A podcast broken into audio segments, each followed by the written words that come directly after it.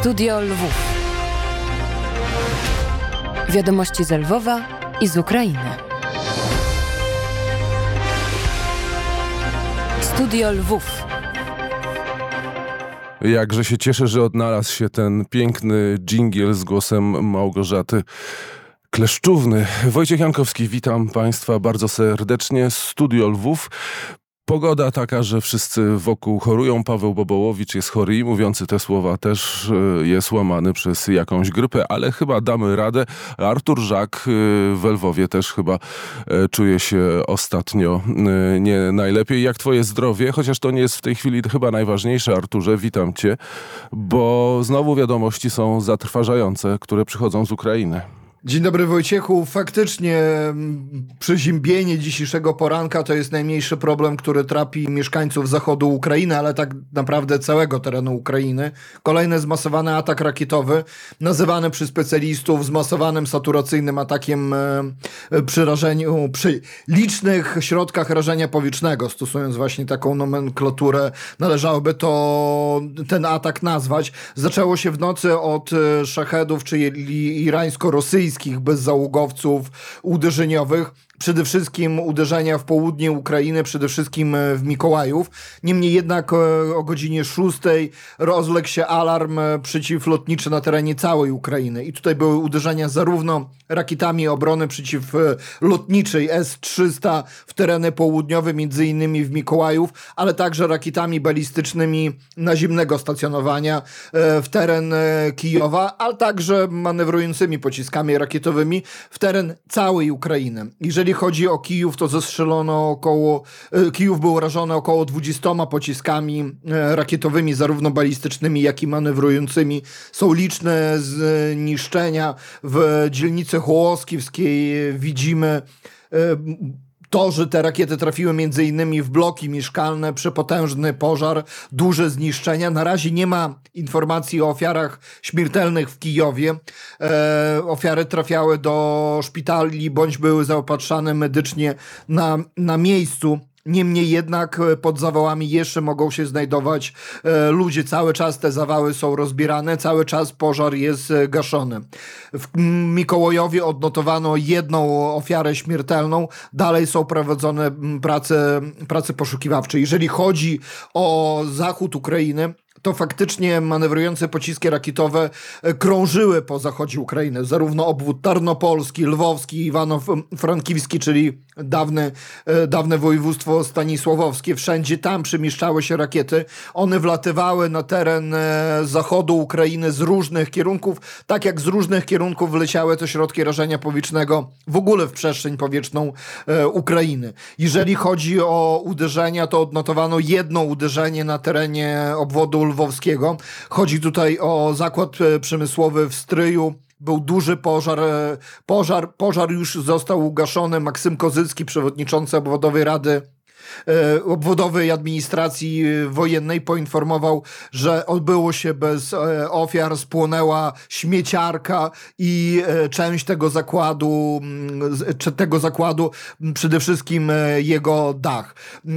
Kolejna informacja to jest, że jeden z pocisków rakietowych niebezpiecznie zbliżył się do granicy Rzeczypospolitej Polskiej i mniej więcej 20 kilometrów przed granicą polską zmienił swój tor lotu, znowu podążając w kierunku Lwowa, a z Lwowa wyleciał w kierunku Kijowa i tutaj są rozbieżne informacje. Bądź został strącony na terenie zachodnich obwodów Ukrainy, bądź podążył w kierunku stolicy, w kierunku obwodu e, kijowskiego. W związku z tym dowództwo, dowództwo operacyjne rodzajów sił zbrojnych e, Rzeczypospolitej Polskiej zareagowało, podniosło w powietrze myśliwce, które pilnowały polską przestrzeń e, powietrzną. Siłą rzeczy polskie siły zbrojne, a także całe NATO jest wcześniej informowane zarówno przez swoje kanały informowania o zagrożeniu, ale także poprzez e, armię ukraińską. Niemniej jednak tym razem pocisk rakietowy, rosyjski pocisk rakietowy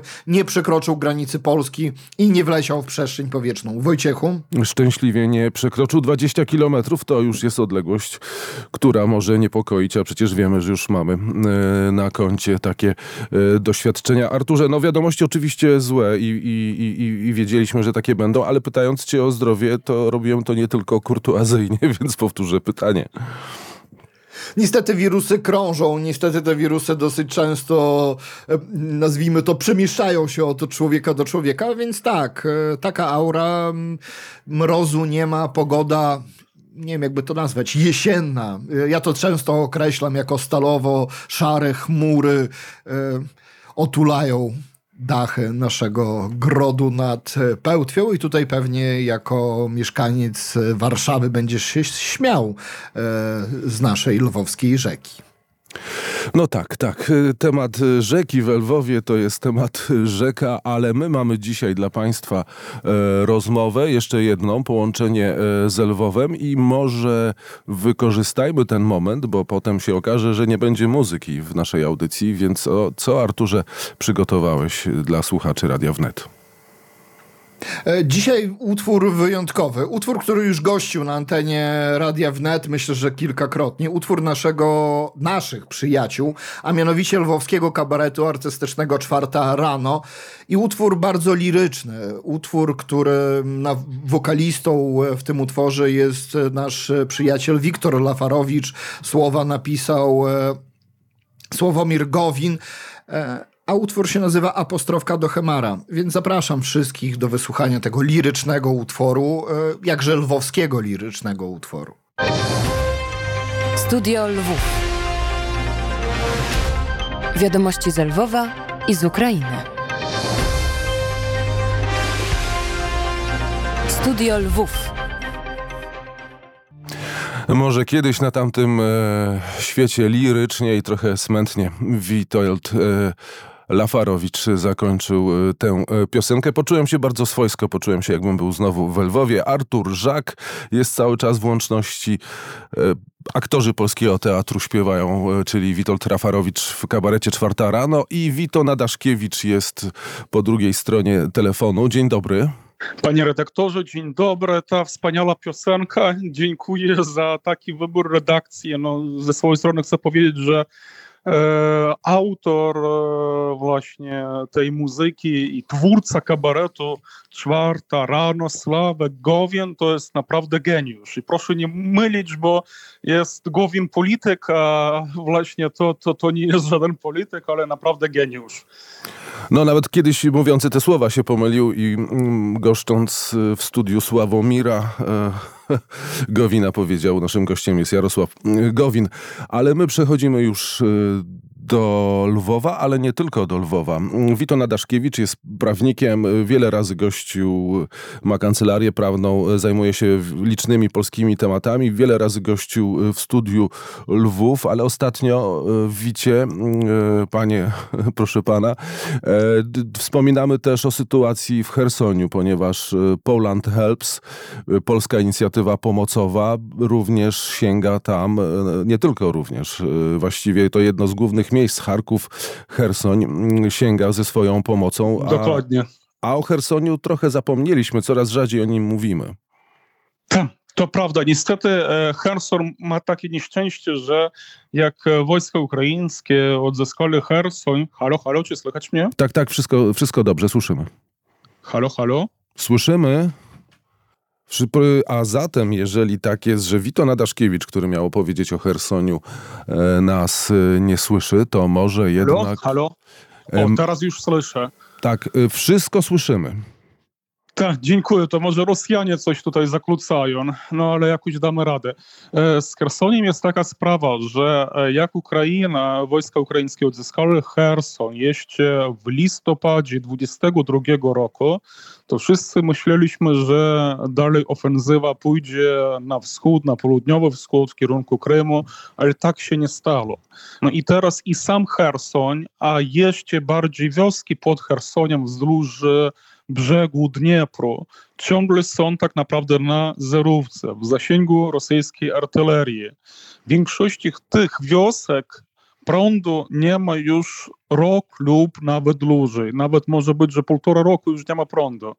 A geologia właśnie e, tych stepów e, tawryckich e, jest taka, że woda jest bardzo głęboka i tam nie ma takich zwykłych dla naszych regionów studni wiejskich i to znaczy, że wodę da się tylko pompować.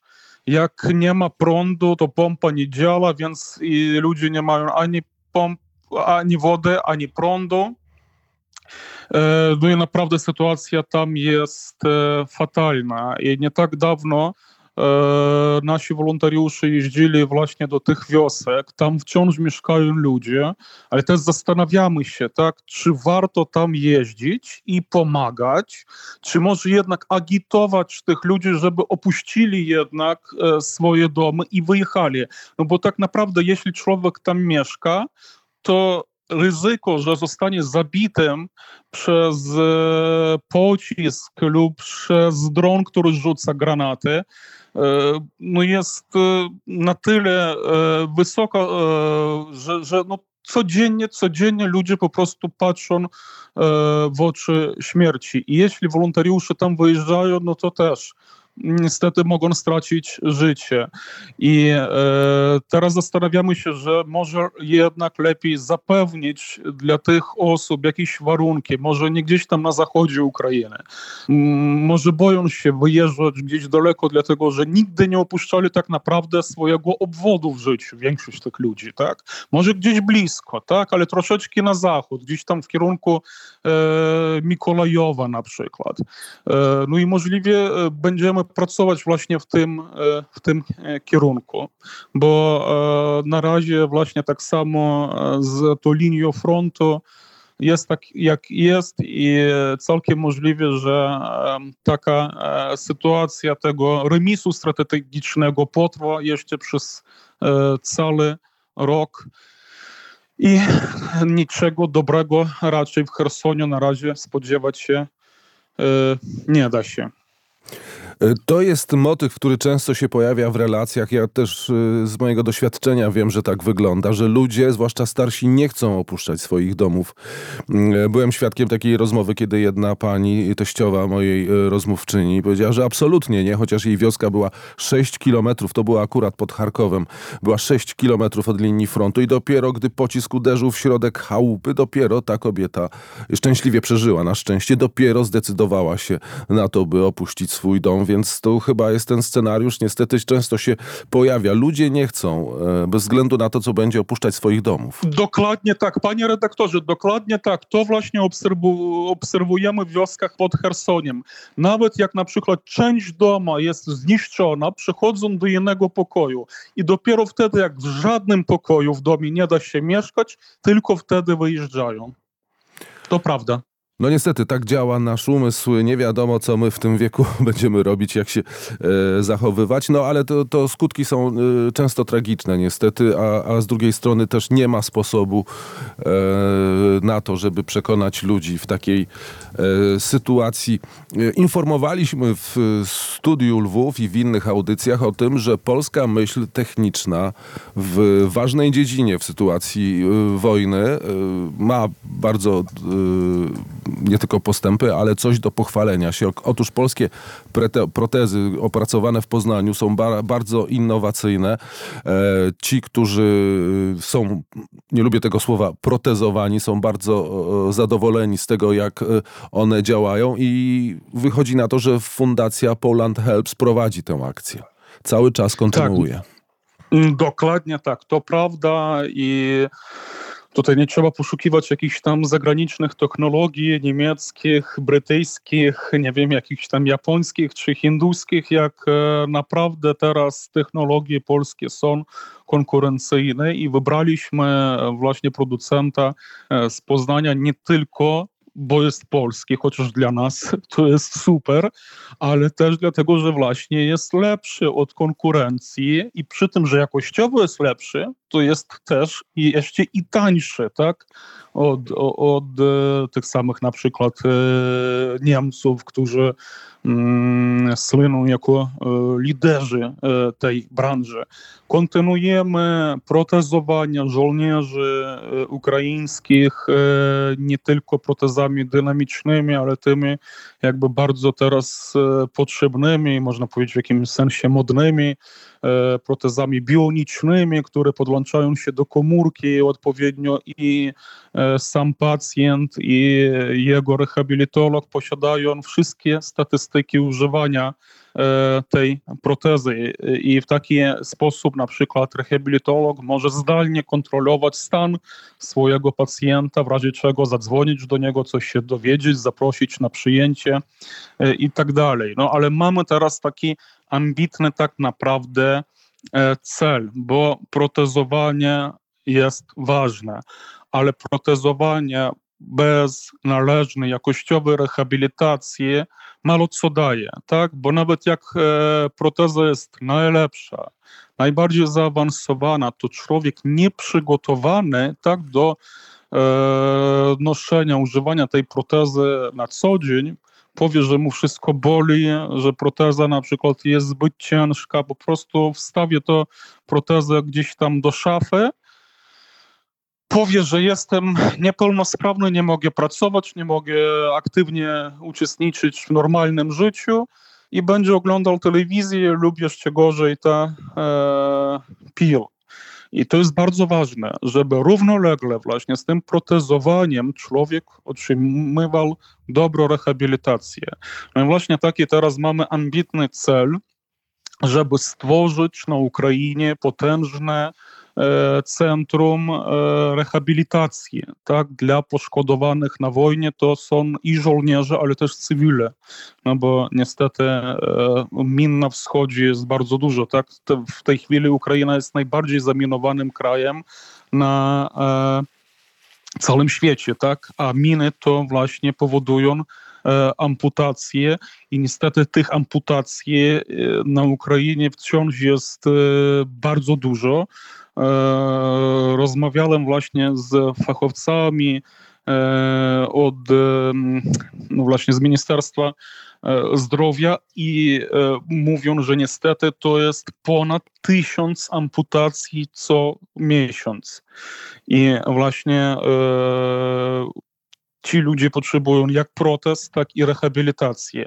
No i jeździmy teraz całą Ukrainą w poszukiwaniu odpowiedniego miejsca, żeby stworzyć taki ośrodek rehabilitacji i powiem, że z jednej strony to jest pomoc dla Ukrainy, ale powiem, że to też jest szansa, bardzo duża, olbrzymia szansa dla Polski bo niestety w Polsce też nie wszystko jest idealne z rehabilitacją. Bardzo często rehabilitacja jest niedofinansowana. Też nie zawsze te metodyki, które stosują specjaliści, są postępowe. Niestety często niczym się nie różnią od tego, co było jeszcze za czasów PRL-u. I moim zdaniem, że taka polsko-ukraińska współpraca pozwoli, żeby też Polska była liderem tak, w rehabilitacji, jak i w protezowaniu zresztą na całym świecie.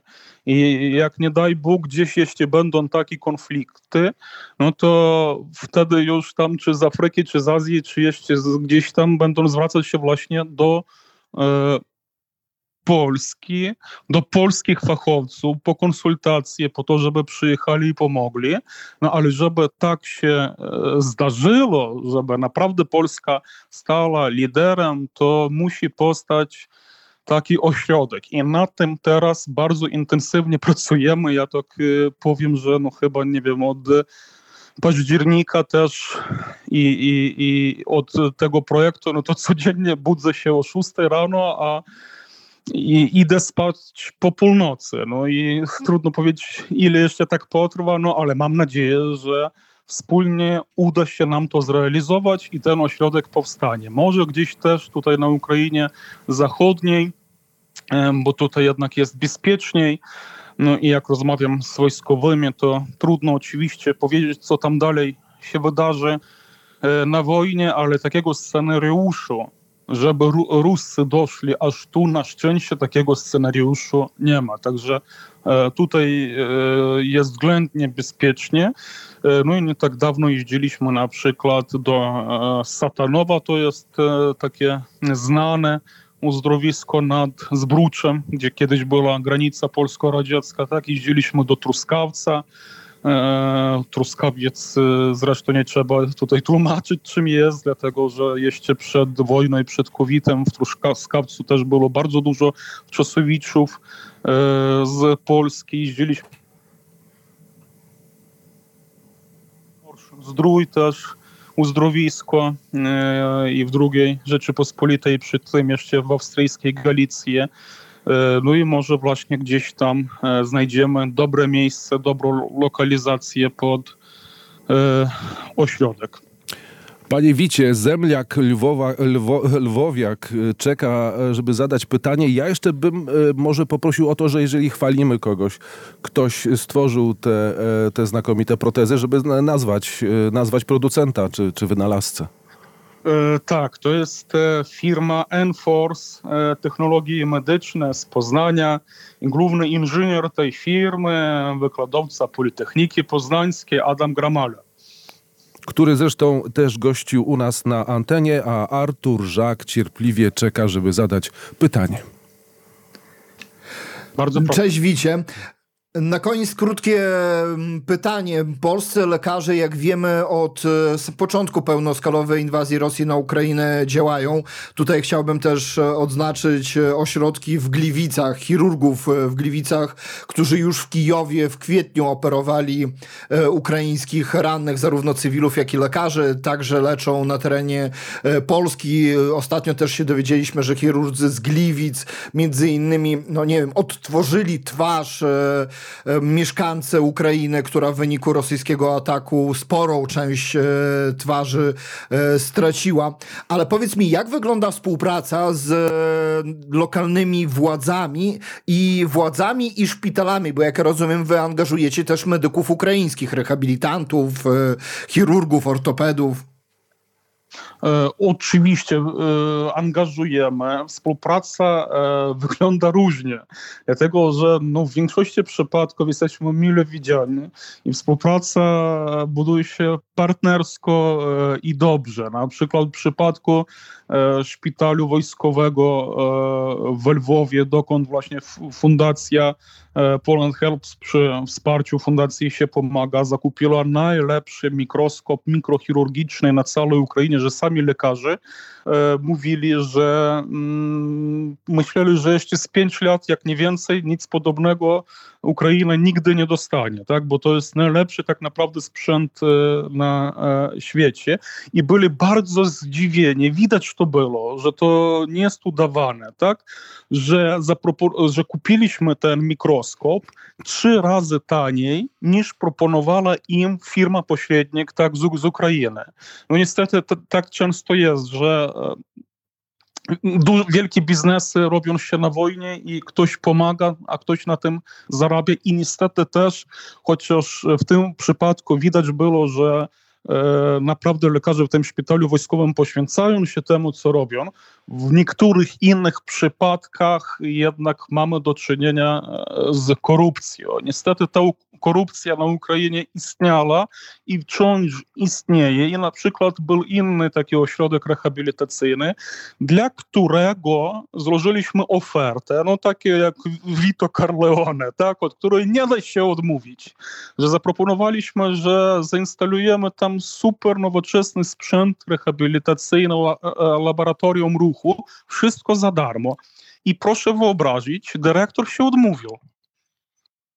Bo go tak naprawdę nie interesowała korzyść, tak dobro dla ośrodka i dla pacjentów, no a z tego, co zobaczyliśmy, tylko właśnie korzyść dla siebie, tak? Chociaż nie jest właścicielem, tak? Jest po prostu menedżerem najemnym, ośrodek jest państwowy. No niestety, niestety często takie rzeczy e, obserwujemy, no ale staramy się po prostu szukać innych odpowiednich ludzi, z którymi da się e, właśnie pracować otwarcie, bez żadnych takich schematów i na szczęście takich jest sporo. Dawno czytałem Mario Puzo, ale z tego co pamiętam, propozycje Vita Corleone były o wiele bardziej e, drastyczne. Mamy już mało czasu, a jeszcze jest jeden temat e, też e, związany z Lwowem, chociaż dotyczy w tej sytuacji Kijowa wystawa świętej pamięci Wiktorii Kowalczuk, graficzki znanej na całej Ukrainie i też mamy Witana Daszkiewicza. Tak, dziękuję panie redaktorze za to pytanie, tak, dlatego że dla mnie to jest bardzo ważne e, wydarzenie. E, niestety nie udało się mnie uczestniczyć e, w otwarciu tej wystawy, e, ale za tydzień pojadę do Kijowa i zorganizujemy też tam spotkania. Właśnie wystawa odbywa się w Muzeum e, Literatury Ukrainy w samym centrum e, Kijowa. E, Muzeum Literatury e, to jest też odpowiednie miejsce, dlatego że e, mama bardzo dużo pracowała właśnie dla ukraińskiej książki, tak ilustrowała książki, w pierwszej kolejności książki dla dzieci. Kijów też odegrał w życiu mamy bardzo ważną rolę, no bo właśnie tam współpracowała z wydawnictwem Weselka, Weselka, czyli Tęcza, które było na pewno najlepszym e, wydawnictwem literatury dla dzieci e, na Ukrainie, ale podejrzewam, bo porównywałem kiedyś właśnie różne książki, że może najlepszym e, wydawnictwem dla dzieci w całym Związku Radzieckim. No i to też Kijów odegrał bardzo ważną rolę w życiu mamy, bo tam wróciła do wiary. Była wychowywana w rodzinie ateistycznej i e, właśnie w Kijowie e, odbył się, można powiedzieć, taki jakiś cud. E, W życiu mamy, mama wróciła do e, wiary i później e, cała twórczość e, mamy, jak e, malarska, tak i literacka, tak naprawdę była cała przysiągnięta właśnie e, chrześcijaństwem. Wito Nadaszkiewicz, dziękuję za korespondencję do tego tematu. Po wizycie w Kijowie może jeszcze e, wrócimy. E, y, powiedz, niech proszę, niech nam pan powie, jak długo będzie ta wystawa i czy ma szansę ona trafić też do innych miast, no i do Lwowa, bo to było w końcu to miasto pana mamy. E, Tak, e, wystawa w Kijowie będzie trwała do końca lutego i ja myślę, że później e, pokażemy tę wystawę też w innych miastach. Co do Lwowa, to pracowałem tutaj jeszcze większą taką wystawę, która musiałaby zajmować dwie kondygnacje w Muzeum Sztuk Pięknych w Lwowie. E, ale to jeszcze było przed e, wojną. No a teraz niestety jednak e, myślę, że trzeba zaczekać na koniec tej wojny, bo jednak dlatego, żeby milować właśnie sztukę, tak, trzeba mieć spokój w głowie, tak, i jednak wojna to jest nieodpowiednie tło. Mam nadzieję, że jak najszybciej jednak zapanuje pokój i wtedy można będzie wrócić do organizacji naprawdę e, wielkiej wystawy, gdzie też będą elementy performance'u, gdzie też będą elementy właśnie cyfrowej grafiki, że można będzie ożywić e, na przykład obrazy mamy w kreskówkach, e, bo naprawdę twórczość e, mamy tego zasługuje. E, Twórczość mamy to naprawdę, to, to, to była swoja epoka. E, Mama bardzo wpłynęła w ogóle na książki, na innych ilustratorów i w ogóle też na sprawy wydawnicze na Ukrainie. No i mi też bardzo miło, że e, mama też miała pochodzenie e, polskie, i e, myślę, że też e, mamy o tym pamiętać, że bardzo wielu i Polaków, i osób z pochodzeniem polskim doczyniło się do tego, żeby Ukraina była krajem rozwiniętym i kwitnącym. No a teraz, jak widzimy, też oczywiście Polska i Polacy odegrali no, niesamowitą rolę we wsparciu zwykłych Ukraińców, ale też i samego kraju, żeby Ukraina się nie poddała e, Rosji. Panie Wicie, umawiamy się po wizycie w Kijowie, umawiamy się na kolejną rozmowę. Przy okazji może też odwiedzi pan wystawę Fundacji Solidarności Międzynarodowej Ukraina łzy wojny. Nieskromnie powiem, że jestem współautorem e, tej wystawy, więc będzie mi miło, miło jeżeli ktoś e, opowie o tym, jak to wygląda e, w Kijowie. To bo- pewnie w Polskim Instytucie na Podolu? W y, Muzeum Historii II wojny światowej, ale już musimy kończyć, ponieważ Jakub Duszak jest To i tak. łypie za źle na mnie okiem. A zatem Wojciech Jankowski, Wito Nadaszkiewicz, Marcin Suchmiel, Artur Żak, dziękuję Państwu za uwagę i przypominamy, jutro raport y, z Kijowa 9.30 oraz y, w YouTubie w wersji poszerzonej. Dziękujemy, do usłyszenia. Studio Lwów. Wiadomości z Lwowa i z Ukrainy. Studio Lwów.